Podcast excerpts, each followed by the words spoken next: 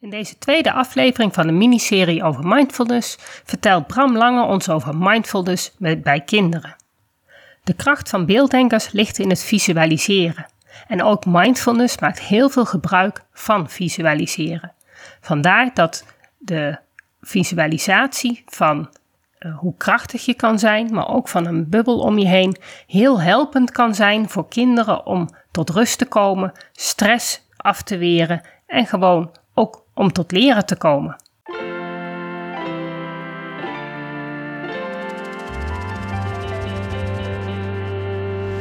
Welkom bij de Beelddenkers podcast. Ik ben Natasja Esmeijer van Beeldig Brein en de schrijfster van het boek Beelddenkers als kwartjes vallen. Ik neem jullie mee in de wereld van de beelddenkers. Beelddenkers zijn creatieve, intelligente en zorgzame mensen, maar ze hebben moeite met onze vluchtige, snelle maatschappij. Dat begint al op school en het werkt door in het werkende leven. Ik ga in gesprek met leerkrachten, ouders van beelddenkers en met de beelddenkers zelf natuurlijk.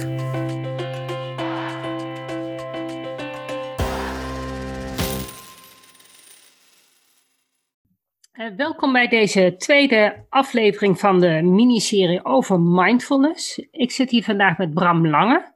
En Bram Lange heeft ons in de vorige aflevering uh, uitgebreid verteld wat mindfulness is. En vandaag gaat hij vertellen over mindfulness bij kinderen. Ja, dankjewel Natasja. En we hebben het uh, inderdaad vorige keer gehad uh, over wat mindfulness is.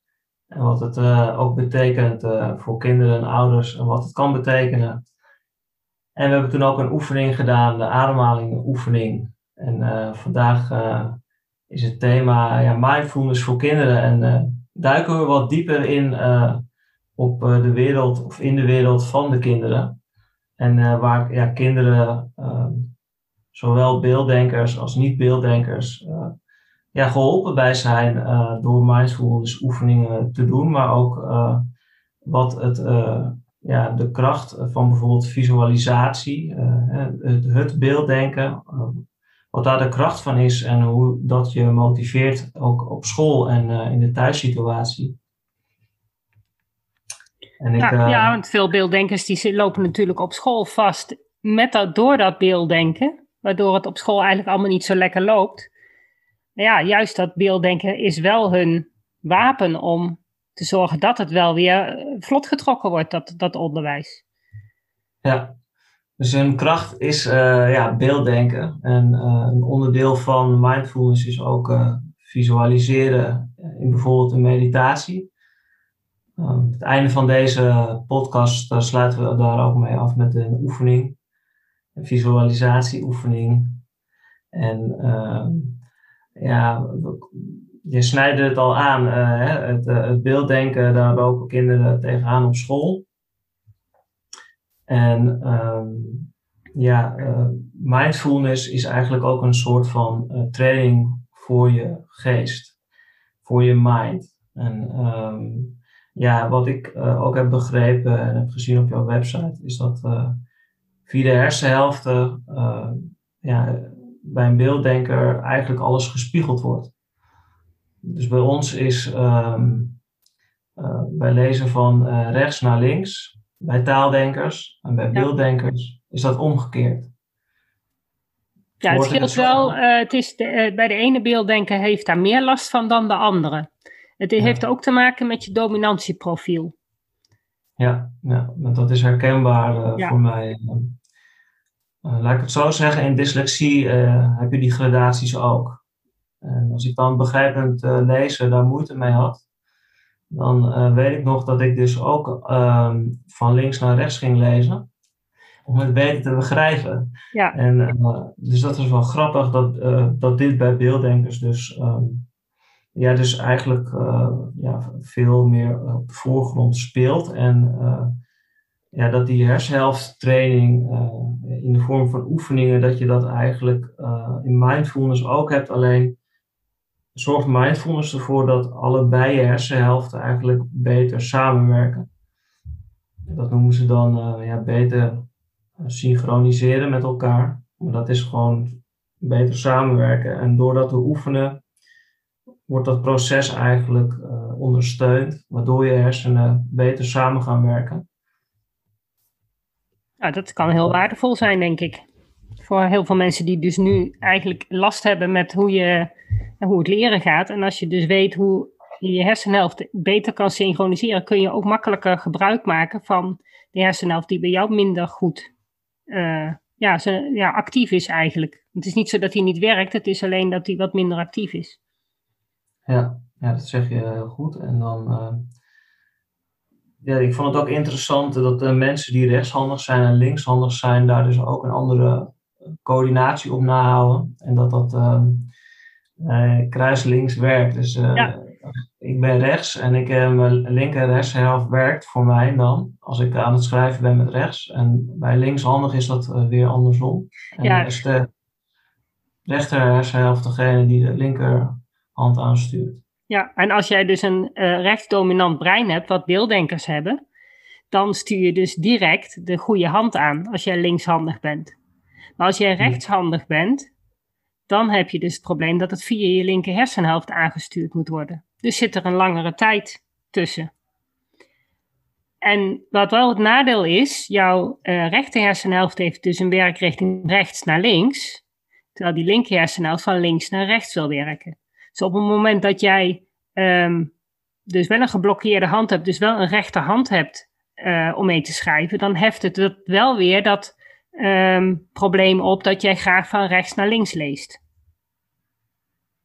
Ja. Want ja, dat, dat scheelt dan weer. Ja, dat klopt. Het is een soort hefboom. Ja. Ja. maar als jij als beelddenker echt geneigd bent om van rechts naar links te denken, kan dat heel lastig zijn. Ja, ja dat, uh, dat heb ik ook gelezen. En ik, ik denk ook dat uh, het herkennen van uh, het vastlopen, want dat gebeurt eigenlijk. Je loopt eigenlijk vast in, eh, in het proces van leren lezen, schrijven, ja. rekenen.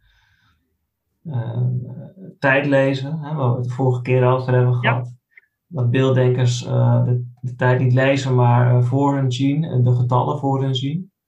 Ja. Hè, de beelden, ook minder, minder grip hebben ook op tijd, omdat dat tijd echt zo'n lineair proces is, terwijl beelddenkers veel meer holistisch denken, veel meer alle kanten op denken. Ja. Um, ja, mindfulness. Um... En jij vertelde mij, jij, hebt in plaats van dat, ja, ik doe dan hersenhelftentraining, ik doe brain gym oefeningen met kinderen, ik doe de kruisloop, ik doe de um, liggende acht. Je had het over mind gym. Ja, ja die, die mind eh, gym, dat is eigenlijk een Engelstalig boek waarin eigenlijk uh, bewustzijn en mindfulness in oefening samenkomen. En uh, dat zijn hele simpele oefeningen uh, van uh, met je ogen dicht een sinaasappel eh, opeten en dan kijken wat je ervaart. En ehm, ja, beelddenkers hè, zien bijvoorbeeld dan al die sinaasappel en die kunnen dat proces eigenlijk dan al doorlopen. Ehm, dan kom je ook bij, bij je zintuigen, zintuigen uit ik vroeg me eigenlijk af, hè, je, je zintuigen bij een beelddenker, hè, dat is, uh, zien, is, is, sterk ontwikkeld. Hoe zit dat nou uh, met bijvoorbeeld uh, horen? Um, nou ja, proeven. proeven. Ja, het is niet zo dat bij beelddenkers de zintuigen beter werken. Het is alleen de hersenen pikken veel meer prikkels op en doen er veel meer mee we leven het intenser. Dus je kan, als jij inderdaad aan het proeven bent, proef je veel meer en veel intenser dan een taaldenker. En dat is niet zo dat elke beelddenker sterker proeft, maar um, de meeste mensen hebben gewoon één of twee zintuigen die beter werken. Of beter werken, dus die dus intenser verwerkt worden. Um, je kan natuurlijk als je heel gevoelig bent wel op alle zintuigen inderdaad extreem reageren. Dus voor een, een beelddenker zal dus inderdaad intenser met die sinaasappel bezig zijn. Met die ruikt hem veel beter en die voelt hem veel beter, wat voor structuur die heeft. Maar voelt ik in de mond veel meer structuur. Dus kan ook veel intenser uh, proeven, en, maar ook, ook die smaak beleven. En alle, ja, dat is ook het mooie van een beelddenker. Ja, ja dat zag ik dus. Um dat zag ik dus ook voor me en ik herken het ook. Alleen ik had toch het idee dat dat bij beelddenkers ook intenser zou zijn. En uh, ja, je hebt dan zes zintuigen: kijken, voelen, horen, proeven, ruiken. En uh, ja, ik noem het denken. uh, wat, je, wat je niet kan zien, voelen, horen of zien, maar wat je toch ervaart. Ja. Dat, uh, dat kan denken zijn, maar dat kan ook um, iets zijn wat je niet kunt verklaren. Ja. Um, het zesde zintuig. Ja, uh, noem je daar ook uh, gewoon een spiritueel lijntje mee? Ja. Ja, ja kan. sommige mensen hè, die, die hebben dat, dat ze iets ervaren, maar ja, niet kunnen verwoorden wat het dan is. En um, dus het versterken van de zintuigen ja, is bij beelddenkers ook iets wat uh, intenser wordt beleefd, uh, doordat ze ja, daar meer, uh, ja, de, hersenen daar meer zeg maar, op gericht zijn. Ja. Toch? Ja, zeker. Ja. ja. En veel meer alle, alles ook ervaren, maar ook alles nodig hebben om die herinnering op te bouwen. Om het plaatje op te bouwen in je hoofd, om alle aspecten daarin mee te nemen. Dus het is ook zo dat je meer opslaat in je geheugen. Omdat je het als heel concept opslaat, terwijl een taaldenker uh, dingen op kan slaan als een zinnetje of als gewoon een idee. Of dat hoeft niet het hele, daar komt niet altijd het hele beeld bij kijken. En ja. dan zeker niet de geur of de, de, ja, wat er allemaal eh, aan kleuren en zo allemaal aanwezig was. Ja, dan um, ja, komen we eigenlijk ook uh, bij de kracht van visualiseren uit. Hè? Want ja, als je iets visueels voor jezelf kunt maken in beeld, um, en dan kun je het ook voorstellen hoe het zich uit in een fysieke manier, in een, hoe je het in een praktische manier uh, voor je ziet, maar ook hoe je het dan zeg maar kan, ja, in het geval van een schoolopdracht, hoe je het kan uitwerken, zodat het plaatje past bij wat jij in je, in je hoofd hebt, hoe, het, hoe jij het wil hebben. Ja, of wat de oefening dan ook is, wat de oefening voor je vraagt. ik, ik, leg het altijd wel uit met, uh, met een schoolbord waar alles op gekalkt staat. En dan uh, gaan we het even schoonvegen. En dan, uh, dan wordt het duidelijk hè, dat je op het bord nog een paar van die krijtvlekken ziet. En ja, zo werkt mindfulness eigenlijk ook. Je gaat met je aandacht ergens naartoe. En van een soort van overprikkeling of uh, ja, bord met allemaal formules, uh, veeg je het uh, langzaam uit en wordt het steeds rustiger op het bord. Waar laat jij die, ehm, die dingen die je wegveegt? Op het moment dat jij in je hoofd dat, dat schoolbord hebt en dat met mindfulness ga dat leegvegen. Ik, ik heb dat vaker gehoord. Bij NLP doen ze dat ook. Nou doen ze het anders, maar um, heeft overlap. Um, maar zij uh, poetsen het echt weg. wat doe jij met die uh, informatie? Geef je dat een plekje? Ja, dit is eigenlijk ook gewoon een, voorbeeld. Maar om op jouw vraag te komen van geef je het uh, een plekje. Eigenlijk wat je doet, je laat het even los. Uh, dus als je bijvoorbeeld naar de ademhaling gaat, dan ga je met je aandacht naar je ademhaling. Maar daarvoor zat je met allemaal gedachten. En doordat je steeds dieper in je ademhaling met je aandacht gaat, gaan er steeds meer gedachten los. En die gedachten die kun je ook op het bord zetten. En dan uh, ja, hè, verdwijnen al die gedachten die op het bord stonden. Zeg dat er tien gedachten op het bord stonden. Dan gaat er iedere uh, drie seconden verdwijnt er een gedachte die op het bord staat. En dat is een beetje de, ja, de metafoor van het uitvegen. En op het einde zie je dan nog een paar van die vage krijtstrepen. En uh, helemaal los van je gedachten, ook met mindfulness, kom je niet, maar dat hoeft ook niet. Want uh, gedachten mogen komen en gaan. Het mag er zijn. Alleen als je met je aandacht met mindfulness bezig bent, ga je altijd weer terug naar je ademhaling. Dus als er toch weer een gedachte terugkomt, als die krijtveeg, dan ga je toch weer terug naar je ademhaling, waardoor die gedachte toch weer weggaat. Ja, en waardoor je dus gewoon die volheid in je hoofd op een gegeven moment los kan laten. Ja, Ja. Als je uit, en als je uit zo'n oefening komt, dan ehm, merk je dus dat je hoofd leger is. Omdat er nog wel gedachten zijn, maar die zijn niet meer uh, op de voorgrond. Die zijn naar de achtergrond. Oh, dat daardoor krijg zijn. Ja, daardoor ervaar je dus ook minder prikkels. En ja, ik, ik noem het eigenlijk ook gewoon beter geaard zijn, waardoor je minder prikkels ervaart. En um, ja, ik vond het uh, een, een, een, leuke metafoor uh, om dat erin te gooien, omdat dat voor veel kinderen op school in de verbeelding spreekt ook letterlijk ja. zo'n schoolbord voor je. Nou, we hebben helemaal een digibord, hè? Nu heb je digibord, inderdaad. nou, die voor mij, inderdaad. voor mij. En nu heb je digibord. Ja. ja. Dus, um, maar inderdaad, uh, op het, op het digibord uh, werkt dat uh, ook, maar dan niet met krijt, maar met een digitale stift. Ja, kun je ook uitgummen. Ja, nee, heel mooi. ja, het, um, de kracht van het visualiseren, daar hadden we het al over. En, um, ja, hoe doe jij dat als jij uh, een kind in de praktijk krijgt? Doe je de, de oefening, leer die aan het kind of leer je die ook aan de ouder die erbij zit? Zitten de ouders bij bij jou in de coaching?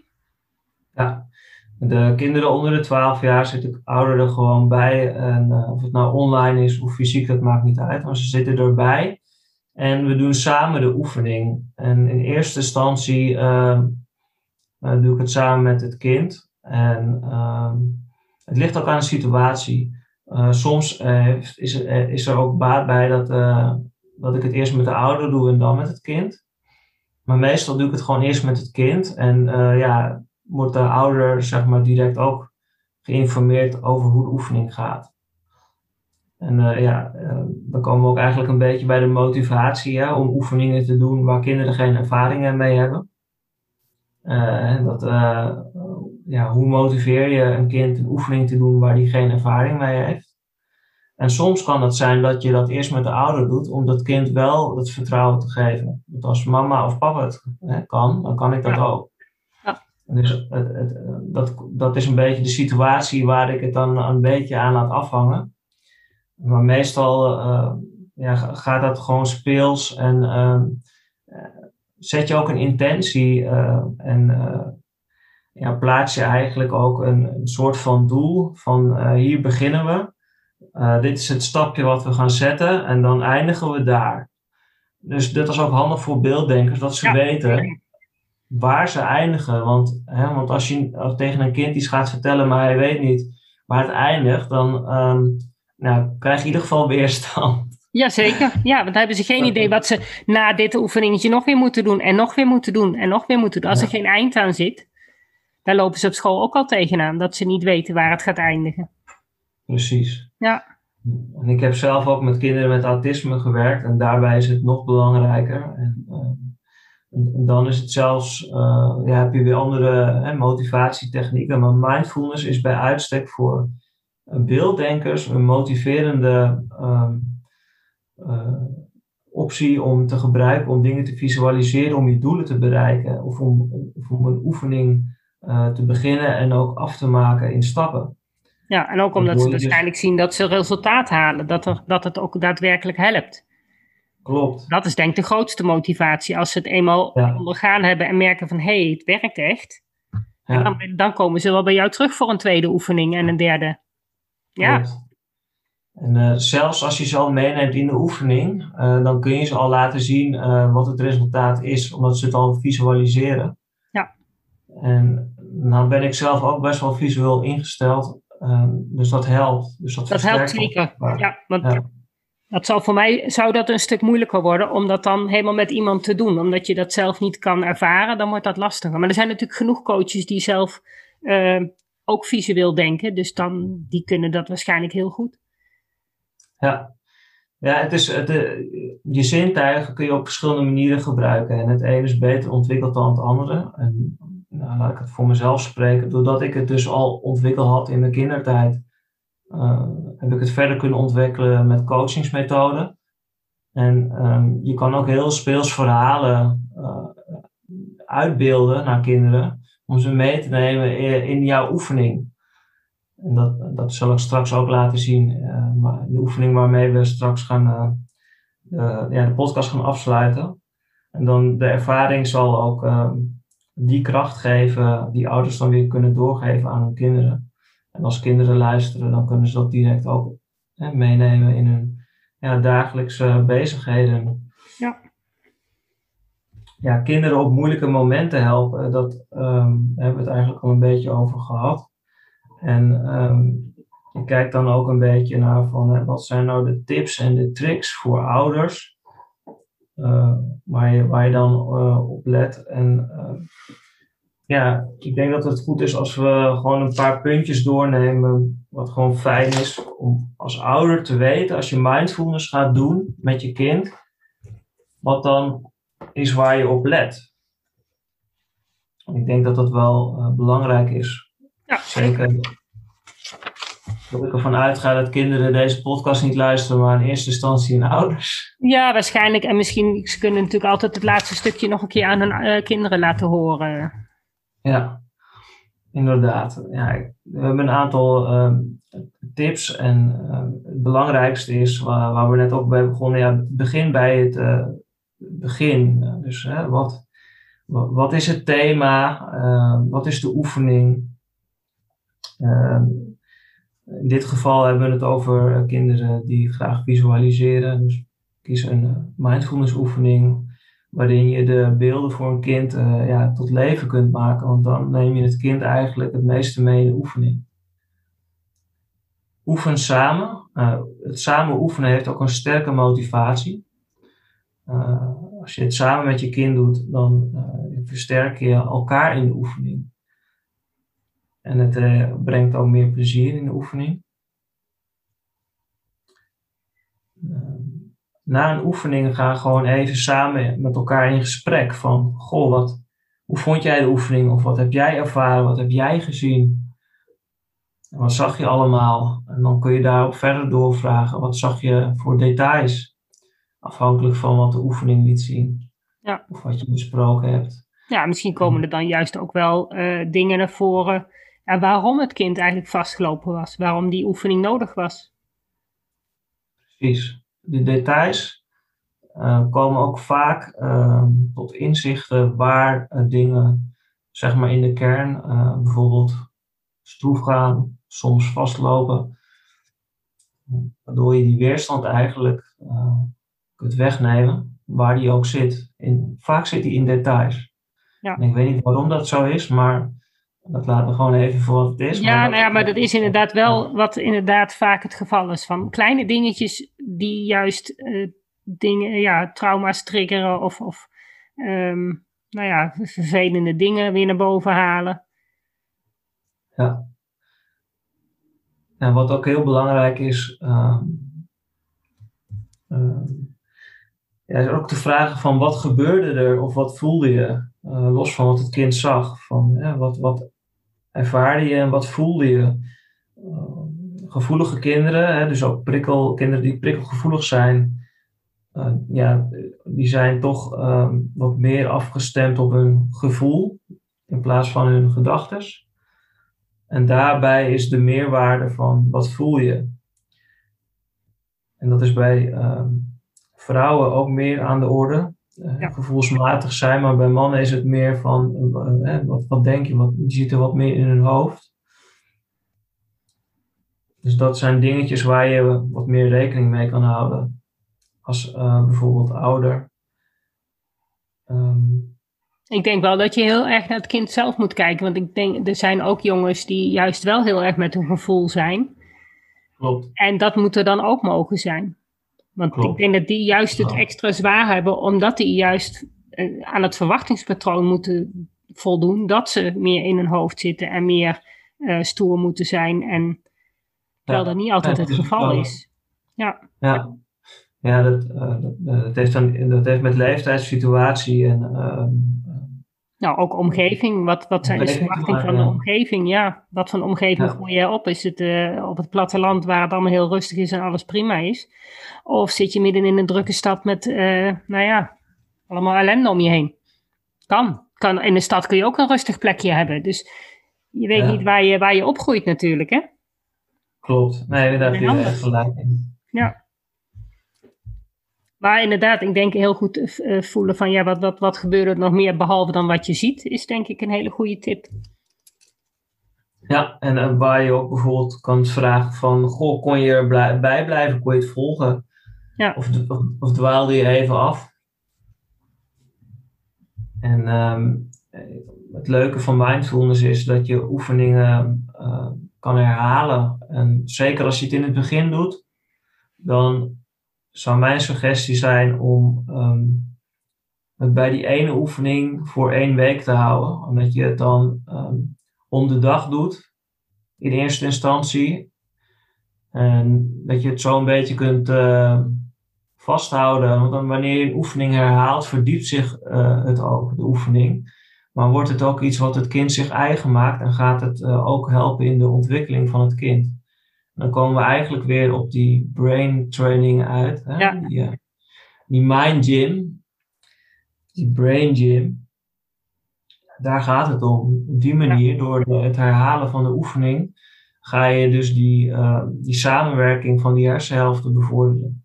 Ja, nou het is natuurlijk ook uh, handig als je in het gewoon uiteindelijk je hersenen zover zijn dat, je, dat ze het gewoon doen. Zonder dat jij dat bewust moet gaan doen. Maar als jij dat visualiseren juist jezelf eigen maakt, dan kun je het altijd en overal gebruiken. Ja. En dan versterkt het jouw uh, manier van leren. Ja. Kan, kun je de, de, de oefeningen van uh, mindfulness, kun je die gewoon veilig zelf thuis uh, gaan, gaan uitvoeren? Ja. Of is het verstandig dat je eigenlijk altijd een coach in de, in de hand neemt? Of zeg je van, nou weet je, probeer het dus met deze twee oefeningen, die van vorige week en deze. En als dat bevalt, kun je altijd nog eens kijken of dat je meer kan. Uh... Ja, een hele goede, een hele goede vraag. Wat ik bijvoorbeeld heb gedaan op mijn website is gewoon een introductie van uh, hoe ga je om uh, met, met meditatie en wat heb je daarvoor nodig en wat is fijn.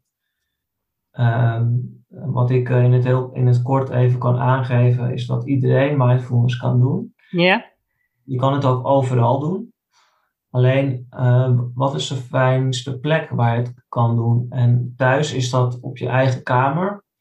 En dat je aan je omgeving laat weten dat je even met rust gelaten wil worden omdat je een oefening gaat doen. Waarbij je concentratie nodig hebt. En dan doe je de deur dicht, ga je gewoon lekker ontspannen zitten. Soms liggen kan of staan. En dan uh, ja, begin je altijd vaak eigenlijk naar je ademhaling toe te gaan. En van daaruit uh, ga je de oefening doen, wat die ook mogen zijn. Of het nou een visualisatieoefening is of een concentratieoefening. Want je hebt verschillende soorten ja, oefeningen ja, dat, ook de thema's zijn ook heel divers. Dus ja, dat, dat maakt het zo uh, veelzijdig en uh, afwisselend ook. En uh, ja, bij deze ehm, eh, kan ik ook uit ervaring zeggen, doe het op verschillende momenten van de dag. En S ochtends en s avonds, dat vinden prikkelgevoelige kinderen fijn. Als ze de dag beginnen om zo'n oefening te doen, zijn ze wat meer geaard en bij zichzelf als ze de dag beginnen. En op het einde van de dag kunnen ze even alles van hun laten afglijden door zo'n oefening. En kunnen ze uh, gewoon beter slapen. Ja. Maar op school kan het zomaar zijn dat je in een hele drukke situatie terechtkomt waar je in één keer veel prikkels krijgt, waardoor je uh, wat minder goed kunt concentreren. En dan, moet je, of dan wordt er verwacht dat je een oefening uh, moet doen waar je dan eigenlijk ja, ja, in de stress van zit. Ja. ja, en dan kun je dus even die oefeningen ook doen en uh, gewoon even naar je ademhaling gaan. De ademhaling is er altijd. En uh, ja, je kan het overal doen. En naarmate je het vaker oefent en herhaalt, merk je ook dat je die die knop van dat je eigenlijk direct naar je ademhaling gaat, die kun je dan direct omzetten dat je eigenlijk in een soort bubbel je even afsluit van je omgeving. Dus je kan het toch gewoon in de klas doen. En dan, ja, uh, ja wat ik uh, altijd doe, is dan even visualiseren dat ik in een bubbel zit. En dat kan een kristallen bol zijn, maar dat kan ook gewoon een, ja, een, ja, grote bol zijn of gewoon even een zeepbel inderdaad. Of, Denk je wel snel erheen misschien? inderdaad, je kan hem zo hard maken als je zelf wil.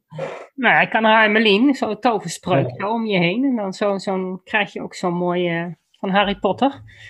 Ja, ja dus dat, dat zijn eigenlijk allemaal ja, tips en tricks uh, voor zowel ouders als kinderen om toe te passen waar je dan, dat op dat moment ook bent. En uh, hè, als je dat eenmaal hebt ervaren, dan komt ook vanzelf die verdieping van de oefeningen. En dan ga je ook meer bij die details komen. En ga je ook merken dat je makkelijker dingen kan loslaten na verloop van tijd. Waardoor je ook makkelijker kunt concentreren. Je bent beter gefocust.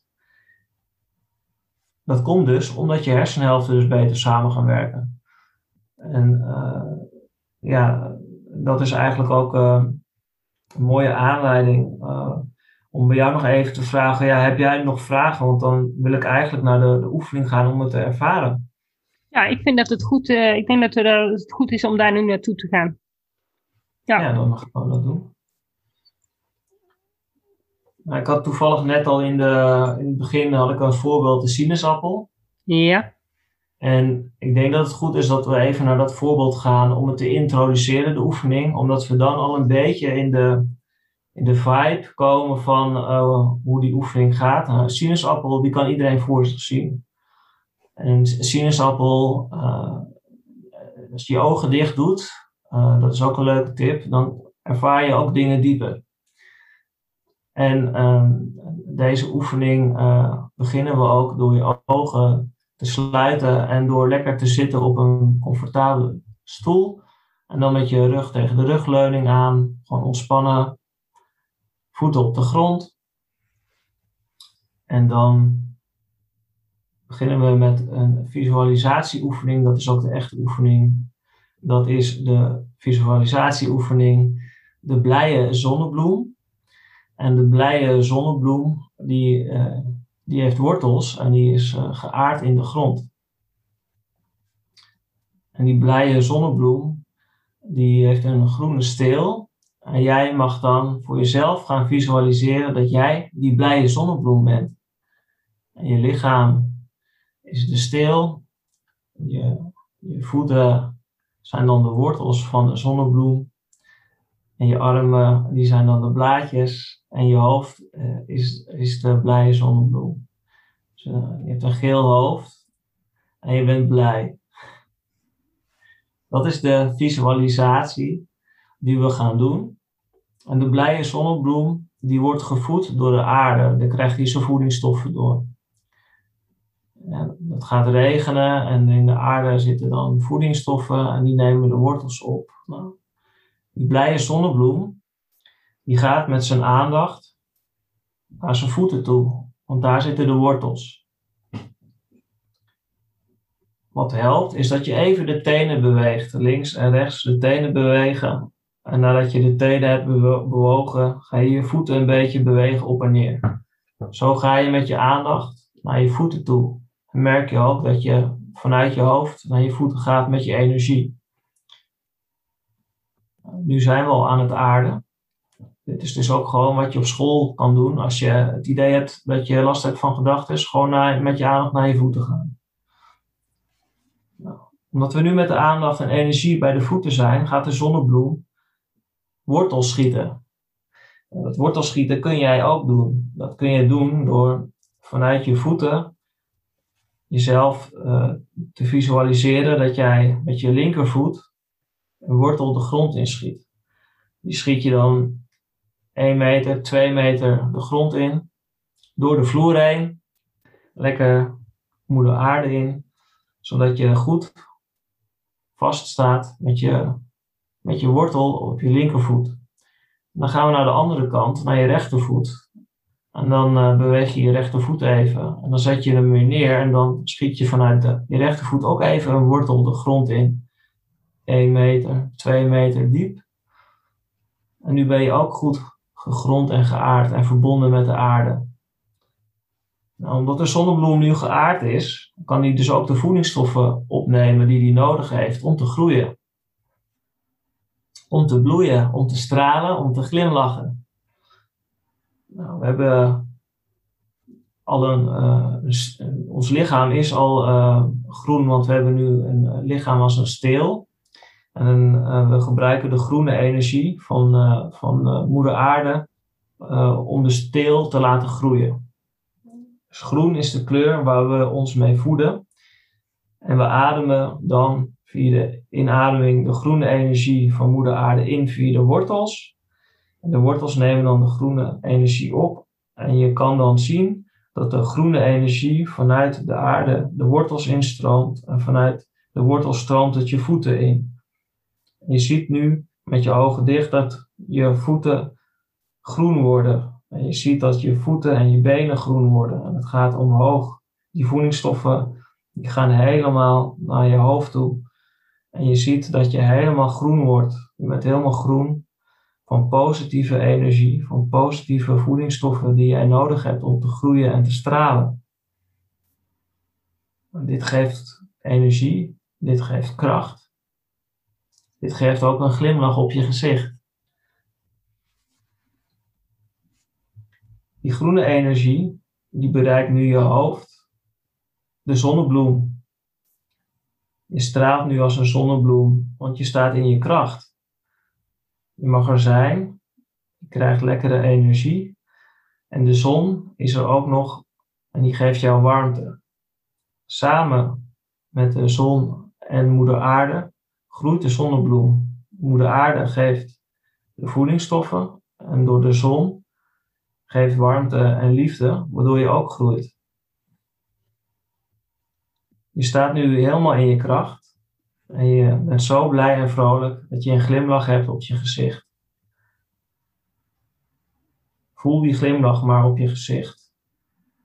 Voel hoe de zon op je straalt, de warmte, de liefde. En voel hoe jij in je kracht staat en bent verbonden met de aarde. Je bent nu één met de aarde. Je bent nu weer één in verbinding met jezelf. En je mag weer vanuit deze verbinding rustig terugkomen in het hier en nu. Door even naar je ademhaling te gaan. Adem maar even in via je neus en uit via je mond. En op die manier kom je langzaam terug en doe je je ogen open. En laat je gewoon even alles voor wat het is. En ervaar je even de stilte en de omgeving waar je nu bent. Je kijkt even om je heen. Hé, hey, ik ben weer op mijn kamer. Of hé, hey, ik ben weer in de klas. Van daaruit kun je weer bezig gaan met uh, waar je was gebleven. Dat was de oefening voor nu. En je kan hem zo lang doen als je zelf wil.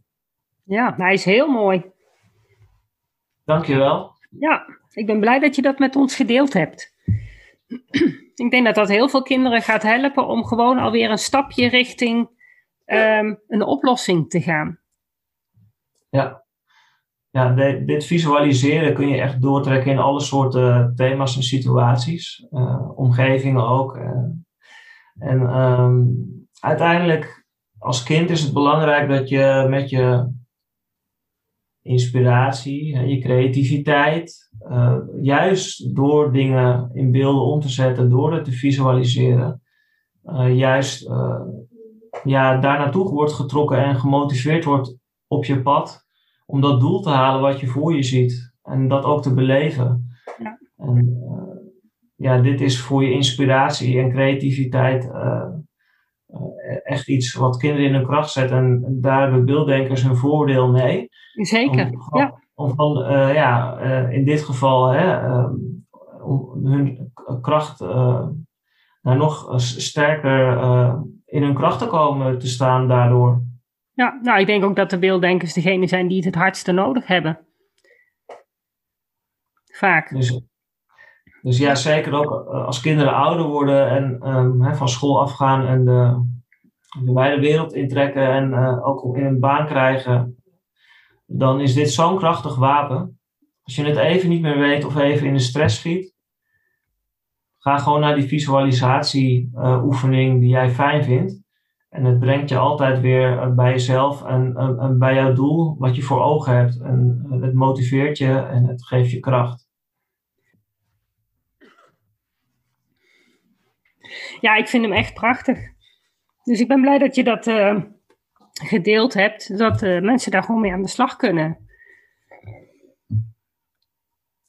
Ja, dankjewel. En uh, ik ben ook blij dat ik dit mocht delen. En ik uh, ben ook blij dat we de volgende keer naar onze volgende podcast naar, naar de jeugd gaan. de wat oudere kinderen tussen 12 en 18. En dan gaan we het hebben over ja, concentratie en focus. En dat is ook voor kinderen is dat ook belangrijk. Zeker. Alleen met de, met, met, met de wat oudere kinderen merk je gewoon dat ze nog meer uh, dingen op hen afkomen, maar dat er ook meer wordt gevraagd aan hen op school. En dan. Uh, ja, krijg je ook die puberteit er nog een keer bij. Precies, die ja, je ook nog dat is een lekkere, lekkere mix van, ja, toch wel heel veel emoties. Inderdaad, en hoe ga je om met die emoties en hou je toch de focus? En uh, ja, daar gaat de volgende aflevering over. En ik, uh, ik heb er zin in. En uh, ja, in ieder geval hartelijk bedankt uh, voor jouw tijd voor deze aflevering. Ja, graag gedaan. En ik ben blij dat jij je verhaal kwijt wil. En volgende week gaan we gewoon weer verder. Super, dankjewel. Ja, dankjewel, doeg. Hoi hoi. Dat was het weer voor vandaag. Bedankt voor het luisteren en superleuk dat je erbij was. Ik hoop dat je weer een beetje meer ontdekt hebt hoe gaaf, maar ook hoe lastig het kan zijn om een beelddenker te zijn in een wereld die is ingericht voor taaldenkers. Wil je meer weten? Lees dan mijn boek Beelddenkers als kwartjes vallen. Wil je op de hoogte gehouden worden van alle informatie die ik deel over beelddenkers in het onderwijs? Klik dan op de abonneerknop in je podcast-app. Wil je dat dan meer mensen op de hoogte zijn van hoe beelddenkers anders denken?